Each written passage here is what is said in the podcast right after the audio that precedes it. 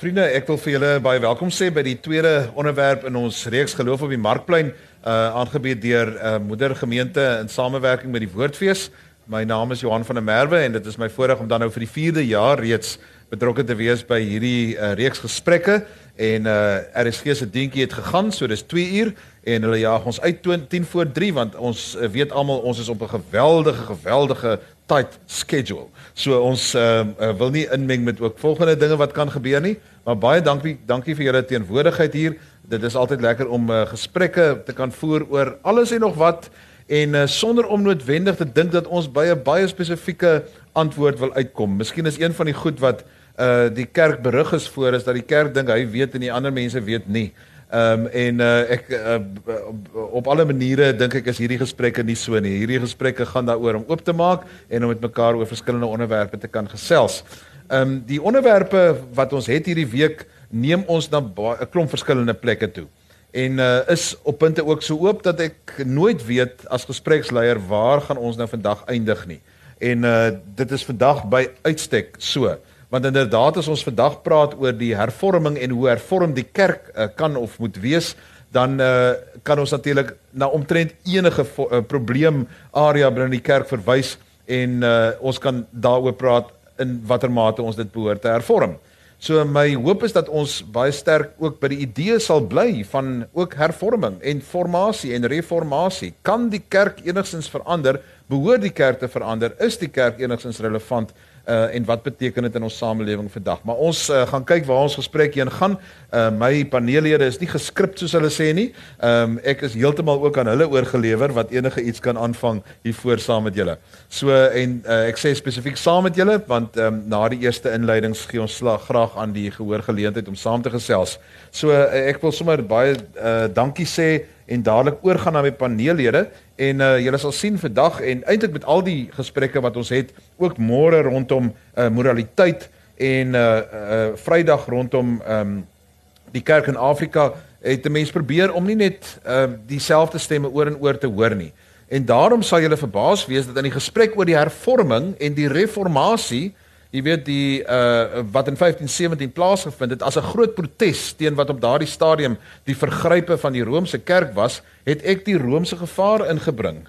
Ehm um, so om, en ek gaan homself eerste geleentheid gee om uh, met ons te praat. So ehm um, dit is baie lekker om die Romeinse gevaar hier langs met te mag hê en hoe heerlik Wim uh en vreemd eintlik ook dat die dat dit die woordfees gekos het om vir my en jou bymekaar te bring. So dit is my ongelooflik lekker dat ons uh, die pad ook kan saam stap en uh, mekaar op hierdie manier ook te kon ontmoet. So ek het vir Wim Lindetjie dan van die plaaslike Katolieke Kerk en langsom sit Robert Vosloo. Robert is professor by die uh, fakulteit teologie en sistematiese teologie en eklesiologie, uh, al daai moeilike woorde. En uh, dan langs langsom uh, eers het ek vir John gevra hoe moet ek hom bekendstel toe sê ek moet maar net sê hy's werkloos. Uh, dit is maar die ander dis maar die ander naam vir vir 'n vryskut uh, joernalis op hierdie stadium. Uh, John het 'n baie interessante pad deur die journalistiek geloop oor die jare. En Jan was in die uh op 'n stadium ook in diens van die NG Kerk. Ehm um, by die kerkbode en maar sedertdien is jy ook Jan 'n 'n heel ehm um, gesiene kritikus van die kerk op verskillende punte. So uh, ek het definitief net 'n klomp eensstemmigheid hier op die verhoog nie en ek dink dit is baie belangrik dat ons vandag ook verskillende stemme hoor. Nou vriende, uh, 31 Oktober 2017 Uh, laas jaar was dit 500 jaar sedert uh, volgens oorlewering dan Martin Luther sy 95 stellings op die kerkmuur van uh, uh, die kerkdeur van Wittenberg vasgespijker het. En um, sedertdien het daar 'n uh, latynse frase in die kerk rondgeloop wat sê ecclesia reformata semper reformanda wat beteken 'n gereformeerde kerk moet altyd reformeer. 'n hervormde kerk moet altyd hervorm. Hoe moet ons hervorm? Is ons hervorm? Hoeveel persent is die hervormde kerke werklik ook hervorm. Nou aan die een kant praat ek vanuit my hoedanigheid as 'n NG predikant en is dit self krities vir my vanmiddag van belang dat ek oor my kerk vra, hoe hervormd is my kerk? Presentasie gewys as jy wil. Ehm um, andersins ook die kerk in die algemeen. Wat beteken dit om te hervorm? Kan ons hervorm? Is dit waarin ons glo en dit waarvoor ons staan, dan nie vir tyd en ewigheid vas nie. Is dit nie juis waarop ons staan dat die God waarin ons glo 'n onveranderlike God is nie? Dat die Bybel waarop ons ons berus onveranderlik is in terme van die teks wat daar staan nie. dat dit wat ons glo vas en seker staan en tydloos is nie. Hoe op aarde kan ons in so 'n konteks praat van aanpassing en van hervorming? Is dit nie juist die probleem met die kerk vandag dat ons ons so maklik laat rondwaai deur winde van verandering en dan so sê en dan sis en amper te veel hervorming in die tyd waarin ons lewe nie? Dit is sover soos ek gaan vriende. Ek het natuurlik absoluut geen mening oor enige van hierdie kwessies nie. My rol is om die vrae te vra en uh, my paneellede aan die orde te stel. En ek begin graag met Wim. Ehm um, die uh, sprekers gaan uh, paneellede gaan net eers so 'n paar lyne vir ons trek oor hoe hulle gevoel het toe hulle hierdie vreemde onderwerp gelees het en uh, daarvandaan af kan ons die gesprek verder voer. Dankie Wim, eerste na jou. Baie baie dankie Johan. Uh dit is wonderlik en goed om hier te wees. En uh, ek moet ook sê hier sit ek en ek kan nie anders as om die vraag te antwoord natuurlik uit 'n katolieke perspektief. Ehm um, ek kan my nie aanmatig om my uit te laat oor uh uh hervorming in die gereformeerde en hervormde uh tradisies nie.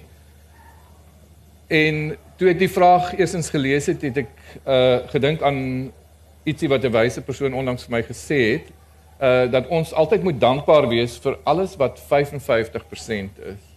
Um, as ek dink oor hoe die kerk verander het in die 500 jaar uh sedert die hervorming, hoe die katolieke kerk uh, om verander het, uh dan moet 'n mens toegee dat daar wel uh uh merkbare ver, ver, verskille is tussen die kerk van 1517 en vandag. Uh maar daar is natuurlik altyd ook ruimte vir nog meer verandering en meer aanpassing.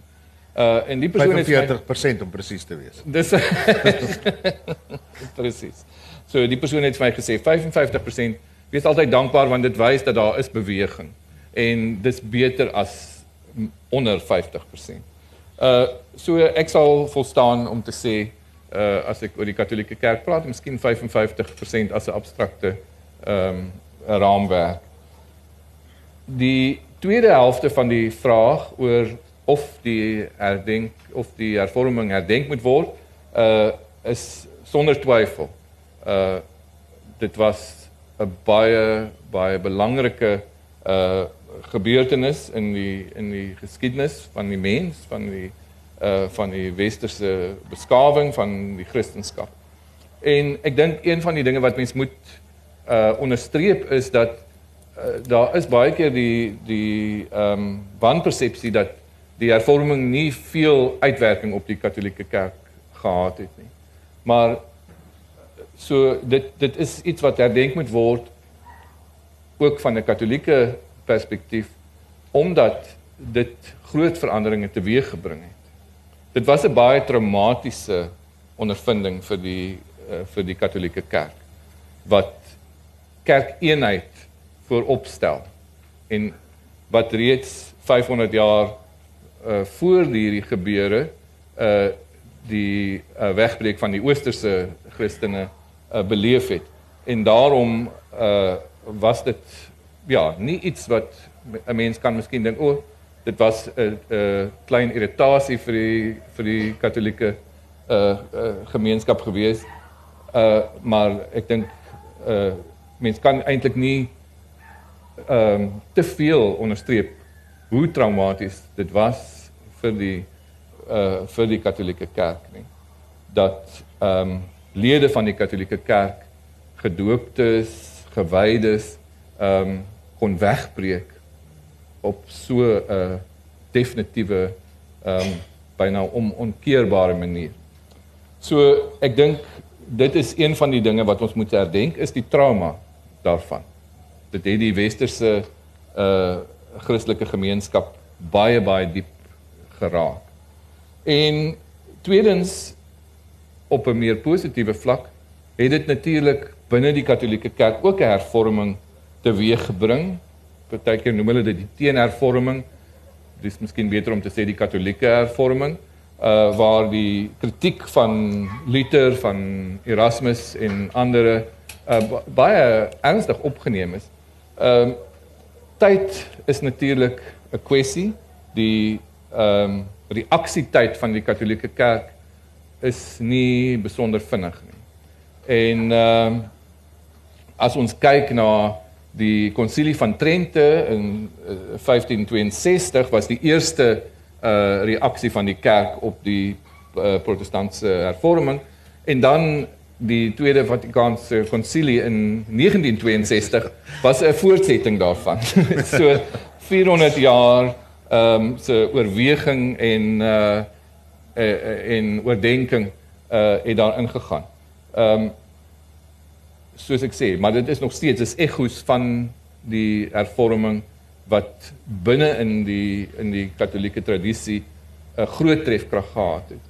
Um, onmiddellik na die uh groot hervorming was daar natuurlik 'n uh, reaksie in die sin dat die kerk homself moes ondersoek um, en die kritiek uh ondersoek uh, wat gelewer is en en verbeter. Een van die groot dinge wat gebeur het daar is die standaardisering van uh priesterlike opleiding en die wat nodig is vir 'n man om gewy te word as 'n priester. Uh wat van tevore was dit op min of meer op die biskop se diskresie. So sy neefie of so kon vandag uh, uit die kroeg stap en môre oggend gewy word as 'n priester, ehm um, as hy 'n invloedryke kardinaal was. Uh al daardie dinge het begin verander en die en daar was 'n uh, standaard vir uh, wat 'n priestersopleiding moet wees byvoorbeeld. Die hele storie oor die aflaatbriewe, die wanpraktyke wat daar uh, rondom ontwikkel het, ehm um, mense wat geld gemaak het, entrepreneurs sal ons hulle vandag noem. Ehm um, is is vasgevat en dit is uitgeskakel sodat dit nie meer moontlik was vir mense om die aflaatbriewe um, op daardie manier uh, te misbruik nie. En dan het daar heelwat uh mense binne in die kerk wat gesê het eerstens ons moet ons katolisisme verdedig, ons moet duidelik daarna kyk en sien wat is dit wat vir ons belangrik is? Hoekom word ons nie protestante nie. Hoekom verlaat ons nie die kerk nie? Ehm um, met al haar foute en swakhede nie. En so mense soos Ignatius van Loyola, die stigter van die Jesuïte, ehm um, nou saamgewerk met uh, Frans Xavier wat seker een van die grootste sendelinge ehm um, ooit was wat na die na die ooste gegaan het en gesterf het daar. Ehm um, hulle met die Jesuïte uh, 'n soort van 'n soldate geestelikheid om te sê ehm um, ons moet terugveg teen hierdie ehm um, teen hierdie hervorming, teen hierdie verlaat van die kerk uh, ensovoorts. Mense soos Teresa van Avila wat haar eie orde aangepak het, gesê het ons moet dinge binne in die orde ehm um, weer oorweeg en en hernie en hervorm. Ehm um, Johannes van die Kruis wat nou saam met haar gewerk het, Frans van Sales wat die biskop van Genève was, ehm um, en sy uh, kathedraal was oorgeneem deur Calvin. So hy moes in um in Frankryk bly. Hy kon nie uh meeste van sy lewe nie in in sy bisdom woon nie. Uh hierdie is mense wat gekyk het na 'n meer persoonlike um praktyk van die katolisisme, 'n meer persoonlike verhouding met God en ja, hierdie dinge het 'n groot effek gehad. Baie dankie. Ehm um, ek ek gaan tog vir jou vra, uh jy uh, jy praat so mooi Afrikaans. Hoe het jy nou katoliek geraak? ja, ek het uh ek het tweetalig groot geword met 'n Afrikaanse pa en 'n Engelse ma en uh ek het uh na die katolieke skool toe gegaan, 'n kloosterskool, ehm um, waar daar eers 'n nonne was wat ook uh, Afrikaans, hulle die in Stellenbosch kom Afrikaans leer, so hulle kon mooi Afrikaans praat. En uh, dit was 'n dubbel medium skool geweest in Paulus Kloosterskool in Pretoria. Uh en uh, ja, en dan het ek Sondag um op aandrang van my protestantse ouma, my NG ouma, het ek na die um NG Sondagskool toe gegaan. So ek het 'n uh, baie interessante en partykeer baie moeilike uh tyd gehad. Ek onthou op hoërskool was al die katolieke kinders ehm um, verskoon van die ek was in die hoërskool Hendrik Verwoerd. Uh en die katolieke kinders was verskoon van godsdienstonderrig. Ehm um, so ek weet nie wat die duister dinge daar ja, bespreek is nie maar en uh dan wil ek ek um, ek gee jou hopeloos te veel tyd uh, uh maar ek wil tog dankie sê. Um, ek het verneem dat op 31 Oktober verlede jaar uh toe met die herdenking van die hervormingsfees waar ons gemeente hier in Stellenbosch, wat die tweede oudste kerk in Suid-Afrika is, 1686 gestig, ehm um, het ons 'n viering gehad van ons uh hervorming van die hervorming, 'n hervormingsfees. Ek het na die tyd uh by een van jou gemeentelede verneem dat dit ook die dag was waar julle die heilige Fatima dink ek was daar was daar 'n viering rondom haar en was daar 'n prosessie wat julle gehad het deur die dorp en julle het blykbaar die uh ordentlikheid gehad om julle roete te verander om nie op hervormings Sondag met, uh, met die herdenking van die heilige Fatima voor Moederkerk verby te stap nie. So ek wil net hier in die openbare forum baie dankie sê dat julle so oulik was om dit te doen. Robert, kan jy asseblief net vir ons help hier na die na die katoliek? Ja, ja. Uh dankie Johan ook vir die uitnodiging. Dit is 'n voorreg om saam te gesels. Ek wil uh, dalk begin deur aan te sluit by wat Vader Wim uh, gesê het. Johan, jy het ook verwys na die feit dat dit verlede jaar Oktober is die 500-jarige herdenking van die reformatie uh, gevier. En uh, ek uh, so tydjie terug gevra om so bietjie te gaan kyk na vorige vieringe van die reformatie en moes gaan navorsing doen oor wat het in 1917 gebeur. En uh, dit was nogal 'n interessante oefening geweest en ek het die notule van die daai destyds is dit die federale raad uh, wat die geleentheid in 1917 beplan het daar gaan kyk wat hulle daar geskryf het en wat nogal opgeval het is dat ja, wat hulle gekommunikeer het is dat uh, ons moet weet dat die Rooms-Katolieke Kerk buite eintlik deesdae die gebrek aan beginselvasheid in die NG Kerk uit uh, en 'n mens moet waaksaam wees uh, teenoor dit. En, en dan het hulle ook verder daarop gewys deur te sê maar daar hulle hoor stemme dat mense sê maar die kerk, die Rooms-Katolieke Kerk het baie verander van 1517 af uh weet tot tot vandag uh maar dat hulle sê ons moet nie te gou uh, te gou dit dit glo nie want hulle is nog steeds besig met listige bedrywighede. Ja. So dit was die taal wat wat gebruik is ook in die tipe van amptelike dokumente. So as 'n mens vra hoe hervormd is die kerk, dan kan 'n mens ten minste wel sê tussen 1917 en 2017 het daar wel uh, veranderinge plaasgevind en die meer ekumeniese vieringe wat wêreldwyd maar ook hier plaasvind, dink ek is 'n teken daarvan. Nou sommige sal sê dis nie alles ten goeie nie, 'n deel daarvan is ook ten slegte. En en ek dink dit bring uh, myns en sien soos dan by die vraag dat wanneer ons oor 'n uh, reformatie praat dat on, ons eintlik maar moet onderskei tussen reformatie en verandering want dit kan gebeur dat ons dit met mekaar uh, ge, gelykstel want ek die vraag na reformatie is 'n dieper vraag as bloot die vraag na na verandering. En jy jy het ook verwys na die uitdrukking uh, van uh, ecclesia reformata semper uh, reformanda est.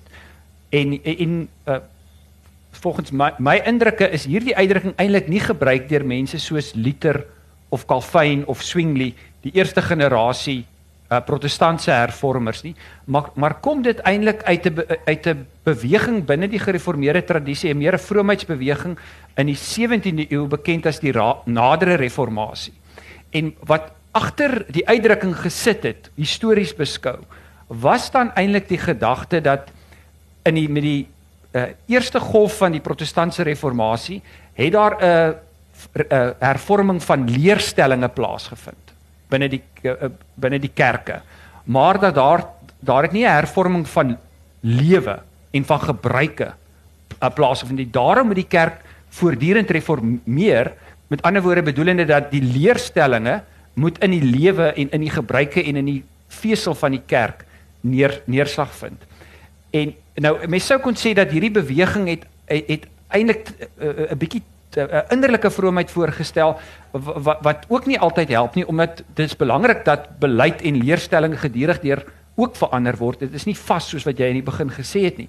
Maar ek dink die punt agter dit is is wel belangrik en dat as ons vra hoe hervormd is die kerk, dan moet ons nie maar net kyk na wat is die amptelike standpunte uh, hoe praat predikante oor hoe lyk dit nie maar dat ons gaan kyk konkreet hoe lyk die praktyke die gebruike uh op 'n baie konkrete vlak uh, in in gemeentes. En en ek dink dit is hier uh, wat ek self ook 'n predikant vir 10 jaar gewees in die in die NG Kerk wat mense nie ander kan anders kan om te, of te lei onder onder hierdie vraag nie. En uh, dit dit bly vir my 'n pynlike iets wanneer ek my kinders hoor sê dat uh wanneer hulle in 'n in 'n NG Kerk kom, is dit vir vir hulle ehm um, van die min ruimtes waar hulle kom uh, uh, wat, wat waar dit so ehm um, dominant wit en Afrikaans is. Hulle leef in 'n ander soort van van wêreld en en en die hele gedagte van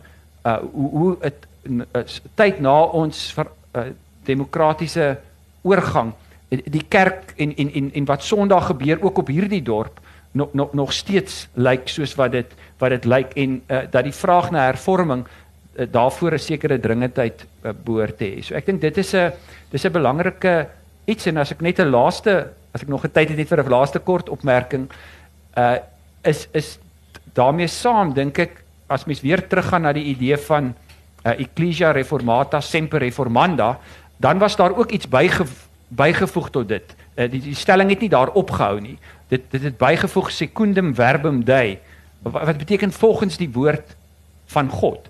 So die die die, die punt was nie maar net dat dit gaan oor hervorming ter wille van hervorming nie, maar die vraag waartoe mens uh, reformeer. En en uh, my, my vraag is of of uh, dit nie juis is waar ons die gesprek laat stol het nie. Dat nie maar net gaan hoe kommunikeer ons die evangelie nie, maar hoe hou ons ons besig om die vraag na die integriteit van die evangelie in ons dag uh, genoegsaam met, met die nodige erns aan die orde te stel. Baie dankie want dit het inderdaad uh, ons het nou nog nie eers verwys na die solas en so nie, maar die sola skriptura om die om die Bybel in die kern te hou van waarvan ons praat, jy weet dit is tog sterk rondom die uh, reformatie ook gewees, maar jy sê juist die evangelie en nie so seer net Bybel nie. Ehm um, uh, maar maar daaroor kan ons verder gesels. Jan, ek vermoed jy gaan ons nou reg van 1500s en alles tot by nou bring. Jy weet, so help ons gou-gou met die nou. Waar is ons nou? Ja, kyk uh, ek voel so daai as jy na hierdie slim teoloë luister dan dan wil ek amper vra, Jesus, hoe het ek nou in die gesprek beland? Ehm uh, Dankie Johan, toe jy my gevra het om deel te neem aan hierdie gesprek het ek vir jou gesê ek weet nie of ek eintlik die regte ouers om deel te neem hier aan nie, want uh, ek persoonlik dink nie die kerk kan hervorm nie. Uh my siening is dat daar wel 'n uh, godsdiensthervorming plaasvind vandag, maar die kerk is nie meer vandag eintlik deel daarvan nie. Ek dink die kerk is bloot 'n toeskouer daarvan. En jy het nou-nou verwys na uh, hierdie woordfeesgesprekke van 5 jaar gelede wat ek vanuit 'n kerklike perspektief wou aangebied het en die kerk het 'n stokkie daarvoor gesteek want die kerk het gesê hulle uh, dit uh, hulle wil nie mense na twyfel begelei nie. Uh en elke keer wanneer daar van hervorming gepraat word, dan uh is dit die kerk wat die agenda moet ander woorde wil bepaal. En ek dink nie dit is hervorming, dit is doodgewoon skynhervorming. En nou ho hoekom sê ek die kerk as instelling kan hervorm nie of hoekom dink ek so? My persoonlike uh, mening is dat dit baie moeilik is vir 'n kerk om te hervorm sonder om dan ook van identiteit te verander. Die oomblik wanneer hy regtig hervorm, dan verander hy van identiteit. Ehm um, ek onthou ek het uh, jare gelede toe ek nog by kerkboorde gewerk het, toe daar so 'n jong dominee na my toe gekom en hy was baie moedeloos geweest en hy wou net geloop het. Uh en toe was ek nog so naïef geweest om te dink nee, Jesus, hierdie ou beteken baie vir die kerk. Hy moet tog asseblief net nie loop nie. En ek wil hom toe probeer oortuig om te bly en te sê jong ouens so jy gaan die kerk hervorm. Uh en hy was hy wou glad nie na my luister nie. Ek dog toe ek vat hom toe na my redakteur toe daai tyd wat Johan Simmington was en ek dog ja Johan gaan hom nou oortuig om te bly. Johan gaan vir hom sê jy kan die kerk hervorm en ons gaan sit toe daar in die kantoor en hy vertel sy storie en Johan kyk hom so en hy sê weet jy wat ek dink jy is reg en ek dink want die kerk gaan nie hervorm nie en kan nie hervorm nie. Hy sê want Jesus het probeer om die kerk van sy tyd te hervorm en hy kon dit nie reg gekry het nie. Hy sê Martin Luther het probeer om sy kerk te hervorm en hy kon dit ook nie reg gekry het nie. So jy kan nie 'n kerk hervorm nie. Jy moet jy, jy beweeg dan heeltemal na iets anders toe. Nou goed, uh dit hang seker af wat bedoel 'n mens dan met hervorming. Natuurlik is daar nog hervormings wat plaasvind in beide die protestantse en die katolieke kerk, maar wat my aanbetref is dit meer kosmetiese hervormings. Uh in ons geval die NG Kerk waar ek vandaan kom is dinge soos uh, vroue wat toegelaat word op die kansel, uh, hoede en pakke is nie meer nodig nie. Uh daar gooi hulle preekstole en orgels uit die kerk uit. Ek dink nie dis hervorming nie. Ek dink dit is eerder agteruitgang. Uh en gister het ons ook hieroor gepraat by jou gesprek oor patriargie en hoe vroue nog steeds uitgesluit voel in die NG Kerk en Robert het ook daarna verwys het. Uh die kwessie van rasseskeiding. Uh lank terug die NG Kerk al sy deure oopgemaak in 1986 vir alle rasse. Maar waar is die werklike hervorming wat plaasgevind het? Mens sien dit nog nie. Die NG Kerk se gemeentes is nog almal uh lelie blank. Dieselfde geld met homoseksualiteit. In 2015 net toe ek dag goed hier hervorm die NG Kerk en hy steek sy Rubicon oor en hy neem 'n baie dapper besluit. Wat doen hy? Die volgende jaar spring hy terug tot in 1986. So daarom dink ek nie die kerk kan hervorm nie. Ek dink my tyd is seker nog is amper om want ek sal so kan aangaan hier. Ek ek wil net uh, ja, dit ook noem. Uh ware hervorming gaan vir my uh nie oor hierdie kosmetiese goed, dit gaan oor skrifgesag. Uh standpunte oor abortus, seksualiteit, klimaatsverandering. Dit is die aktuelle sake vandag. Maar dit word nooit deur die kerk geïnisieer nie. Dit word deur die sekulêre gemeenskap geïnisieer. En dan het die kerk dikwels geen ander keuse as om as om maar net in te val daarmee nie. En so was dit ook met apartheid geweest en so is dit ook met die leerstellige sake en die kwessies. Uh die werklike hervormers uh in die NG Kerk se geval, Johannes Du Plessis, Beyers Nudee, David Bosch, Nico Smit, Ferdinand Duis en baie ander is vir dekades lank deur die kerk verketter. Hulle hulle hulle bydrae word nie geëer nie. Ja, vandag staan daar 'n standbeeld van Johannes Du Plessis in die kweekskool, maar dis dit. So die hervorming van vandag wat ek wil sê is vir my basies net op papier en en en baie meer kosmeties en daarom het ek tot die gevolgtrekking gekom die kerk, kerk kan nie hervorm nie. Ek kan nog aan, maar kom ons stop eers hierso. Baie dankie. Ek hoor ek jou reg en dan wil ek net vinnige reaksie van elkeen van julle hê want eh uh, Janus radikaal in sy uitspraak daaroor dat die kerk nie kan hervorming hervorm nie want dan sal hy sy diepste identiteit ver, uh, verloor. Is het ek jou reg gehoor, Jan? Ehm um, net 'n vinnige reaksie van julle twee af. Die kerk kan nie hervorm nie want dan gaan hy sy diepste identiteit verloor. Wat is julle eerste vinnige reaksie daarop en dan hoor ons van die gehoor verder. Uh, kan reageer. Ek ek stem saam met John dat die uh, hervormings lê nie op 'n die tipe hervorming wat ek dink ons in belang stel lê nie op 'n kosmetiese mediese vlak nie. Daar's baie daarvan in die kerk en ek dink dit is dit is 'n belangrike punt op die vraag of die kerk uh, kan hervorm. Maar uh, ek sou e-, eintlik die teenoorgestelde wou argumenteer dat 'n kerk kan nie kerk wees um as hervorming nie deel van die diepste identiteit van die van die kerk is nie. Uh, ek dink baie aan 'n 'n stelling wat die Deense filosoof Søren uh, Kierkegaard gemaak het dat hy gesê het Jesus het uh, water in um wyn verander, maar die kerk het iets moeilikers reg gekry, naamlik om wyn in water te verander. Um, nou in ons dag is dit miskien nie 'n slegte uh vaardigheid om te kan te kan hê nie, maar die punt wat hy wil maak is om om iets te kan afwater en uh, uh jy's iets goedkoop te kan maak wat eintlik 'n krag behoort te hê. So ek dink as ons praat oor die kerk, dan moet ons nie idealisties praat nie. Dit gaan oor die oor die oor die werklike kerk, oor konkrete gemeenskappe wat Sondag bymekaar is en wat mense soos wat ook hier is aan behoort uh soos wat 'n mens uh, soos wat 'n mens is. Uh, soos iemand gesê die kerk is nie net 'n gemeenskap van karakter of selde dit, maar is altyd 'n gemeenskap van karakters, van mense wat sukkel met ook met die met die lewe.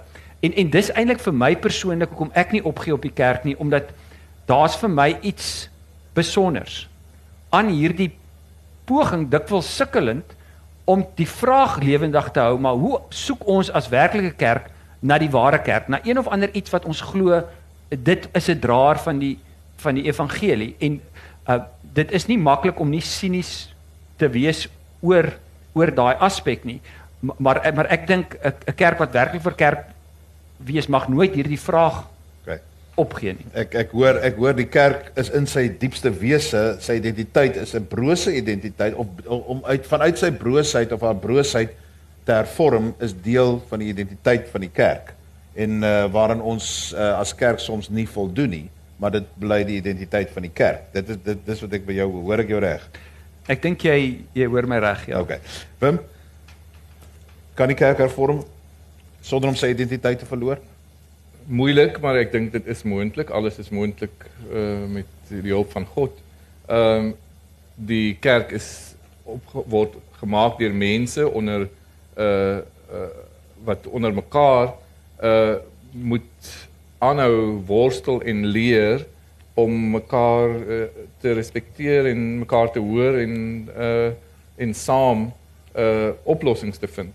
So ek hoor baie goed wat uh, Jean sê, uh hervorming van binne is 'n baie groot uitdaging. Ehm um, ek dink in in die kerk in die algemeen.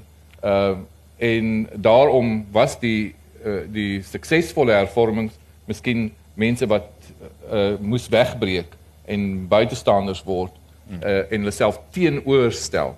Uh ongelukkig dink ek. Uh daar was ook mense soos uh Desiderius Erasmus wat binne die kerk gebly het en dieselfde uitsprake min of meer as Luther gemaak het. Um maar hy kon daardie spasie behou uh van nie saamstem nie en probeer om verandering teweeg te bring. Hy kon saamleef met die frustrasie en die woede en die seerkry wat daarbey lê. Um wat uh Luther uh het gevoel dat dit dat dit hom na buite gedryf het en dit gebeur nog steeds vandag oor baie ehm um, brandpunte in die in die in die Katolieke Kerk en en ek dink in die breër kerk dat daar is mense wat voel ek kan ek kan aanhou veg hier binne. Ehm um, en dan is daar ander mense wat net voel ek kan nie meer nie. En maar ek dink so, saam kom daar tog beweeg. Dis baie interessant want ek bedoel ek dink Johan sê die geveg is vertiel. Uh as ek jou reg hoor, ek hoor by ek hoor wel dat daar sommige mense sê wat ons kan dit van binne af doen. Wil die Jonker was altyd die voorbeeld wat ons gesê het dit probeer van binne doen dit.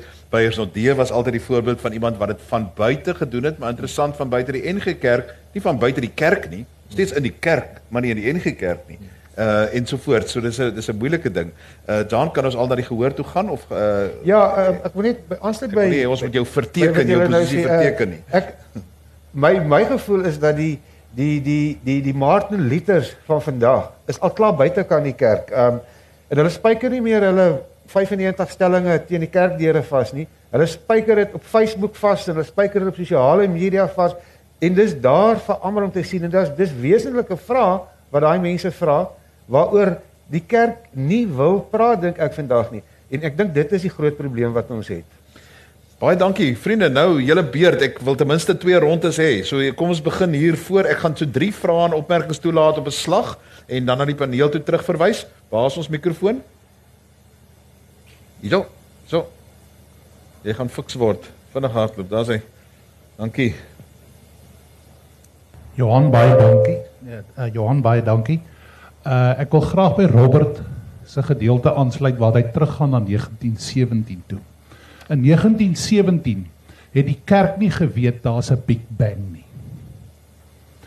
As vandag weet ons daar was 'n Big Bang.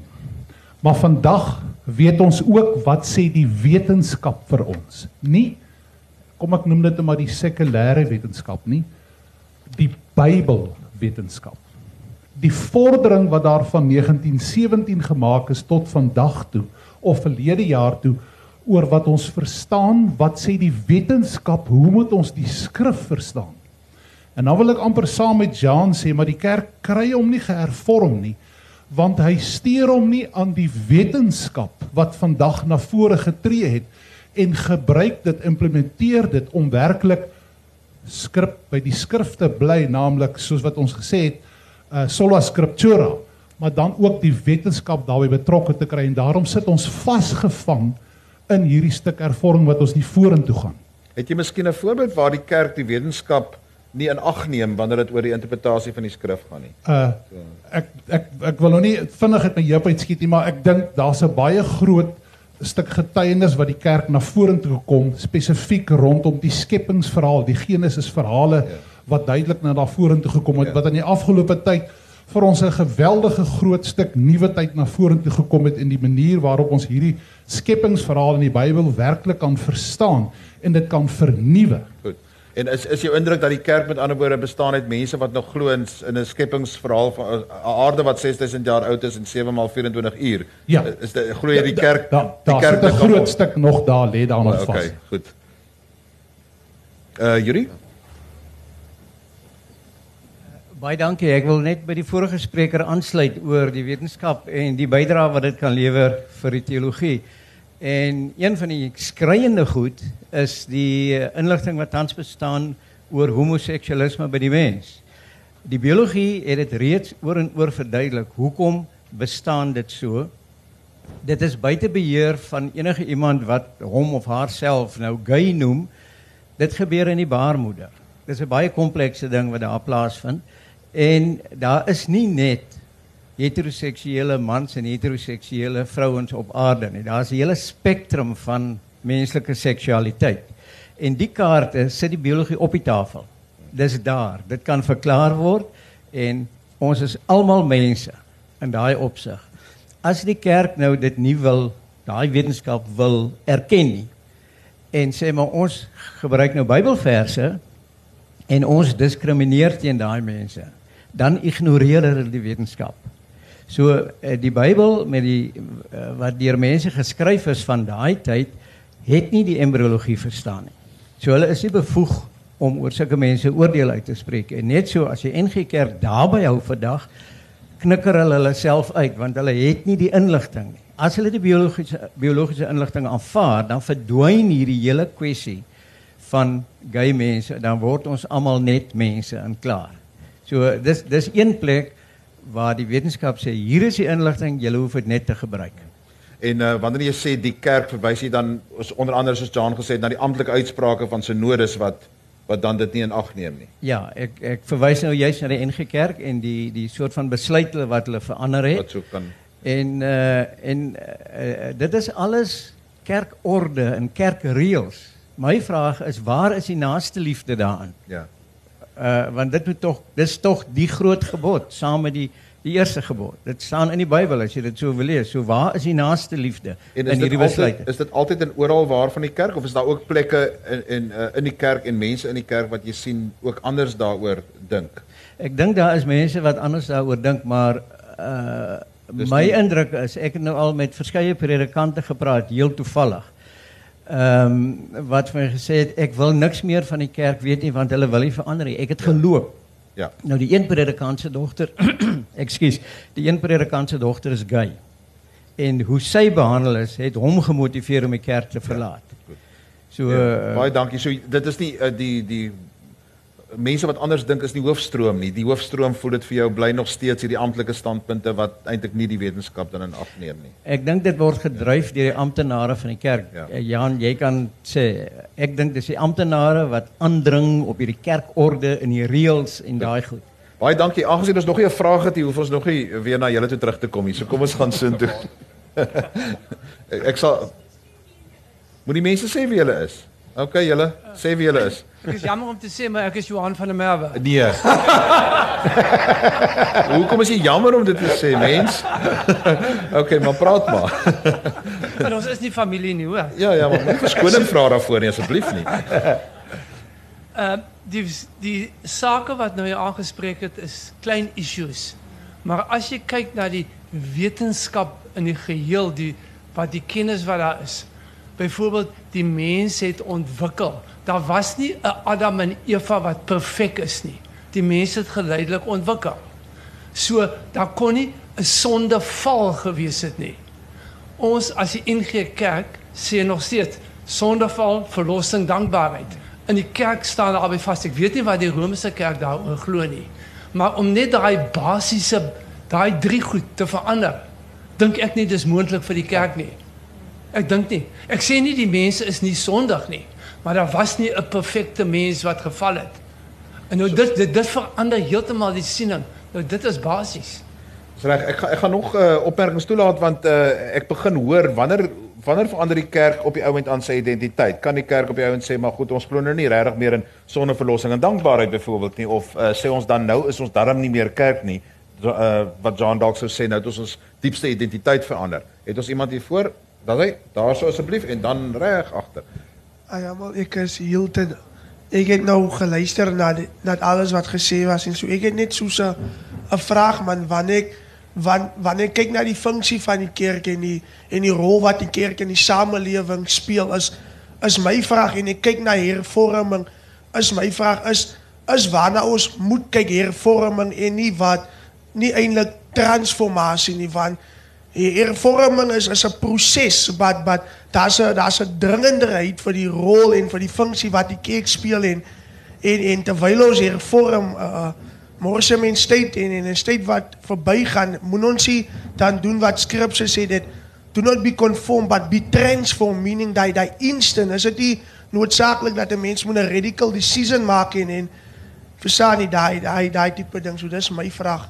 Goed, baie dankie. So jy is is hervorming en transformasie vir jou dieselfde of verskillend? Dis jy's verskillend vir jou. Goed. Baie dankie reg agter.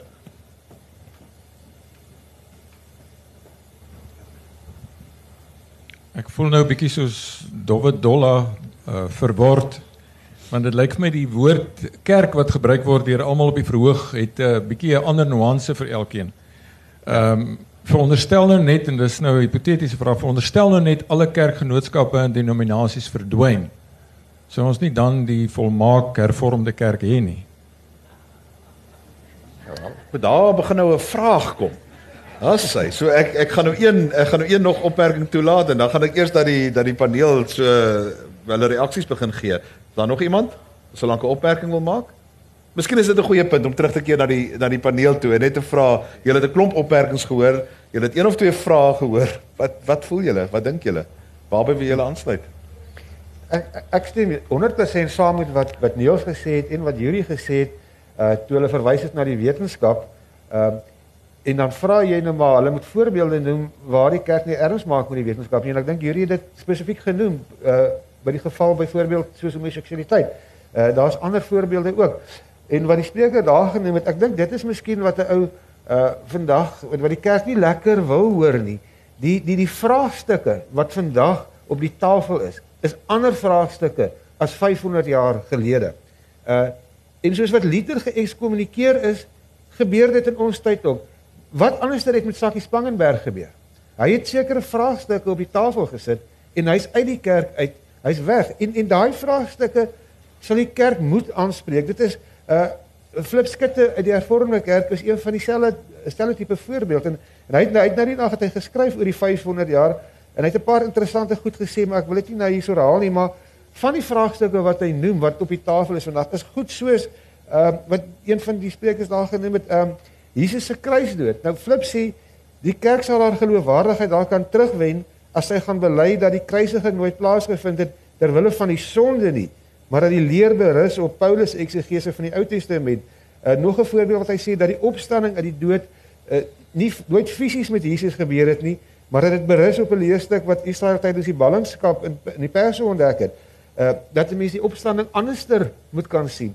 Uh, dat die kerk sou moet erken dat daar nie 'n fisiese hemel of 'n hel is nie. Dit is een van die gesprekke wat die kerk letterlik nie wou toegelaat het op hierdie woordfees nie. Ek stop my eers daar.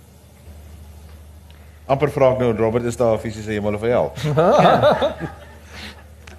maar reageer maar eers hierop. Okay, ja, ek het nou 'n bietjie in uh onseker wat ek eers moet Nee, nee, aandag praat gee, maar laat ek laat ek miskien- laat ek dit kom by die by die vraag oor die wetenskap. Ek ek dink eh, dit is so eh, teen 1917 of so daar daar was dit 'n 'n soort van 'n gevoel in die kerk dat ons ons moet beskerm van buite-invloede. Dit was die soort van denke dat ons osself moet isoleer om ons identiteit te by, bly behou.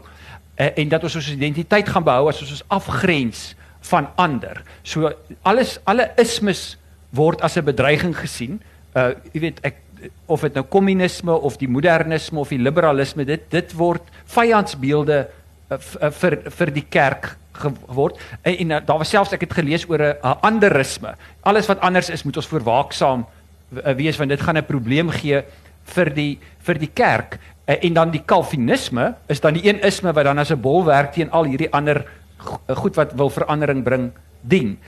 Uh, maar maar dit, wat ek sou wou sê is dat as 'n mens weer gaan kyk na wat in die tyd ook uh, van die hervorming gebeur het met mense soos Calvin, dat wanneer hulle die Universiteit van Genève begin in die 16de eeu, dan is hulle oop vir die wysheid wat in die antieke filosofie leef. Dit word aangebied vir die studente.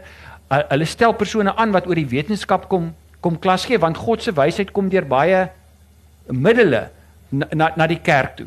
So ek dink amper die feit dat ons pro wetenskap is of is uh, beteken juis dat jy eintlik amper diep gereformeerde wortels raak sien en omarm. So ek in daai sin dink ek uh, dit is eintlik 'n inderdaad 'n klag teen die kerk. Uh, en dat die kerk eintlik iets van van 'n diep verstaan van van wie God is en en en, en hoe God iets van God se grootheid en en en liefde deurgee dat ons osself afsluit vir vir kanale waar waarna toe dit na ons toe kom. So dis miskien net 'n kort opmerking en dan net oor die oor die uh uitstekende vraag oor uh, jy weet is dit nie so dat ons beter sal afwees as daar glad nie kerke is nie en dat ons 'n ideale uh, kerk uh, dit het my altyd opgeval dat in Openbaring 21 die nuwe Jerusalem is daar nie 'n kerk nie. Uh so die idee van waarna toe ons on, ons werk sodat die kerk nie moet dink dat ons bestaan is ter wille van 'n 'n sekere kerk ja. uh, uh doelwit nie. En dit dink ek uh um moet 'n mens aan vashou wat dan nie beteken en ek daar lê vir my as ek moet sê 'n 'n sekere naïwiteit selfs in hierdie idee dat die wêreld sal beter afwees sonder godsdiens en sonder die kerk. Uh, ek dink ons het te veel voorbeelde uit die geskiedenis waar hierdie soort van eksperimente tot groter tirannie, tot groter geweld uh aanleiding aanleiding gegee het. Uh sodat uh, ek ek dink daai soort van droom kan kan dalk uh, tot nuwe forme van ideologie en diktatuur lei uh, wat dalk die kerk na kinderspeletjies gaan laat lyk. Dankie Wim. Ek stem uh, saam dat ek dink die die idee van een ideale uh heilige algemene katolieke kerk katolieke kerk met 'n klein k kan ons ons nou toelaat.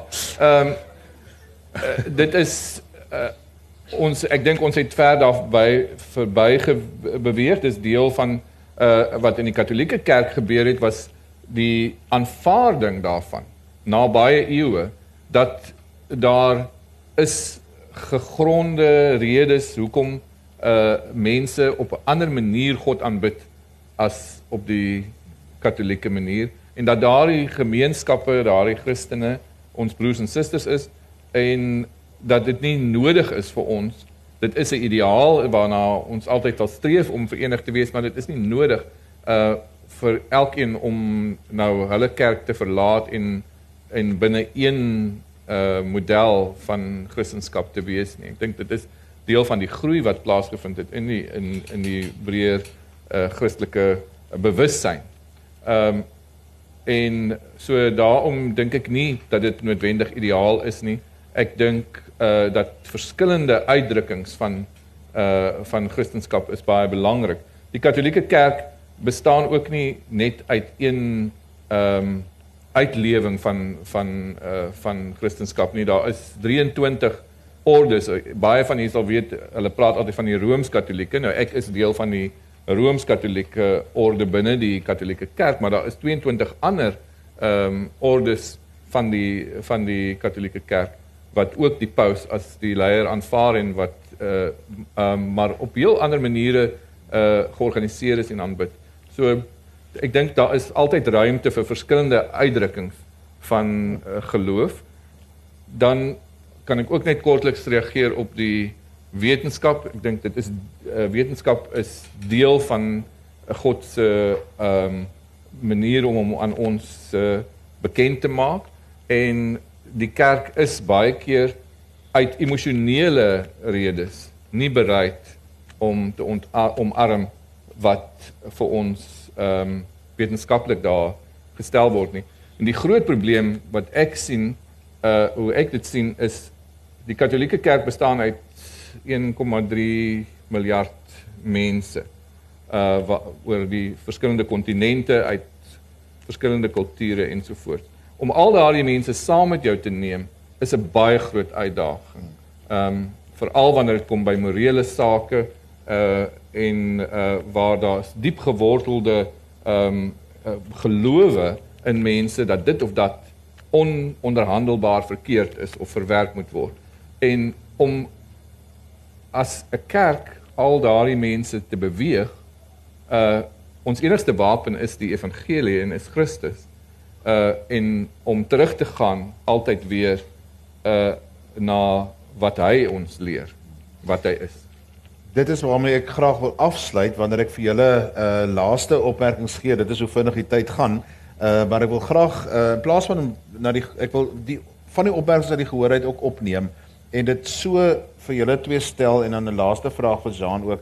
Die ehm um, waar lê die grens? Wanneer gaan die kerk moet sê, ek bedoel die op die ou end het julle vir Galileo gelyk gegee, net die aarde is rond. So ek wil iewers waar dit aanvanklik uh, ook 'n issue was. So nou is dit die so die wetenskap het sy innings daarom daar gekry ook in die kerk op verskillende ander maniere dink ek ook in die NG Kerk in die teologie en die gereformeerde teologie, ook in Bybel verstaan ensovoorts. Dis hoekom ek vra hoeveel mense jy weet ek sal dalk lyk like my verbaas wees hoeveel mense nog regtig glo die aarde is 6000 jaar oud. Ek is naïef genoeg om te glo ek dink nie daar's meer baie nie, maar dit lyk my daar is tog nê. Nee, jy weet ek dis nou my stukkie naïwiteit hier rondom. Ehm um, so binne in die kerk, jy weet is daar tog goed wat verander. My vraag is wanneer is te ver te ver? Nê, nee, hoe ver mag ons gaan? okay, wanneer is te ver te ver? As as die as die paus 'n vrou is. As katolieke as vroue 'n uh, uh, priesters kan word. As priesters kan trou, het ons dan te ver gegaan. En Robert as um, as as 'n uh, Christus se opstanding uit die dood nie net meer as 'n fisiese opstanding of nie as 'n fisiese opstanding beskou word nie, het ons dan te ver gegaan Ehm um, as as die hemel nie meer 'n werklike plek is nie, as die duiwel nie meer bestaan nie. Ek jy weet, so kan ek aangaan om van die goed waarna Jean en ander geraak het. Wanneer het ons te ver gegaan dat ons moet sê, jammer julle, ons het nou hervorm, maar ons is nie nou meer die kerk nie. Wim? Ja, ek sou ek sou sê uh daardie punt sou vir my lê wanneer ons uh Christus verloor, wanneer ons uh verloor dit waaroor dit gaan, dat God se uitreiking en sy liefde, sy ehm uh, teenwoordigheid en sy krag in ons lewens. As ons dit vergeet of verwerp of verloor, uh dan dan het ons te ver gegaan. Maar enige iets anders of ons nou 'n vroulike paus en getroude priesters en daardie goed is te doen met die kerkorde en die dissipline van die kerk en uh is is dinge wat uh wat uitgewerk moet word tussen mense. Ehm um, en dit is wat wat wat hoe ek dit sien, die kerk is is 'n versameling mense uh wat aanhou leer hoe om met mekaar oor die weg te kom en hoe om mekaar werklik lief te hê. Hmm. Robert? Ja, ek dink as 'n mens dink aan die aan die kerk as as deel van 'n van 'n lewende uh, gemeenskap, dan dan sal ek sê me, uh, mense is op die punt wanneer die uh, gesprek geëindig oor wat behoort tot die tot die hart van die evangelie. Uh, dan dan sal ek sê is 'n is 'n mens op daai punt. Voordat 'n mens op op daardie punt is, dink ek uh, is dit juis uh, waar die waar waar waar kerk wees uh, nog 'n uh, uh, mate van die dinamika uh, behou want al hierdie aspekte wat ehm um, genoem is is eintlik 'n ongelooflike uitnodiging om te herdink oor dit wat in die tot die hart van die evangelie be, behoort en waarna die kerk dan moet reformeer. Nou of die kerk daartoe kan hervorm, uh, jy het na Willie Jonker se selfs die kerk kan verander. Uh, uh, verwys en ek dink daarmee het hy bedoel dat selfs die kerk uh, Ja, maar miskien is die diepste eh, ek moet sê selfs by tye is 'n mens skepties daaroor. Jy weet, kan die kerk verander om om aan te sluit by by John, maar uh, diep in my is daar tog die die die, die uh, ten minste dan die hoop dat die evangelie inhou dat al kan die kerk nie verander nie, kan die kerk verander word. Uh, en, en ek dink as die kerk uh, iets van van van dit in in in in haar verbeelding bly ronddra, uh, dink dink ek ehm um, uh, is is dit nog is is daar plek vir kerk wees in ons in ons wêreld. John, wanneer laas in jou lewe het jy die laaste woord gehad? Want jy het nou so waar die laaste woord en uh, jy het gehoor dat daar uh, gesê is ja, uh, die kerk kan verander word, die kerk kan uh, verander um, en dat daar eintlik net minder minder grense is wat behalwe die hart van die evangelie is jy na dit nog steeds oortuig daarvan dat die kerk nie kan hervorm sonder om sy identiteit Johan, te verloor nie. Ek ek dink die die huidige kerkhervorming vind op 'n individualistiese basis plaas. En elke enkeling wat die noodsaak uh, daarvoor in sy of haar eie spirituele uh, lewe ontdek, stap Wittenberg toe op hulle eie. En hulle kap hulle persoonlike stellings teen die kerkdeure vas. So inderdaad is daar 'n grootskaalse hervorming wat plaasvind, maar dit vind vir my buite kan die kerk plaas.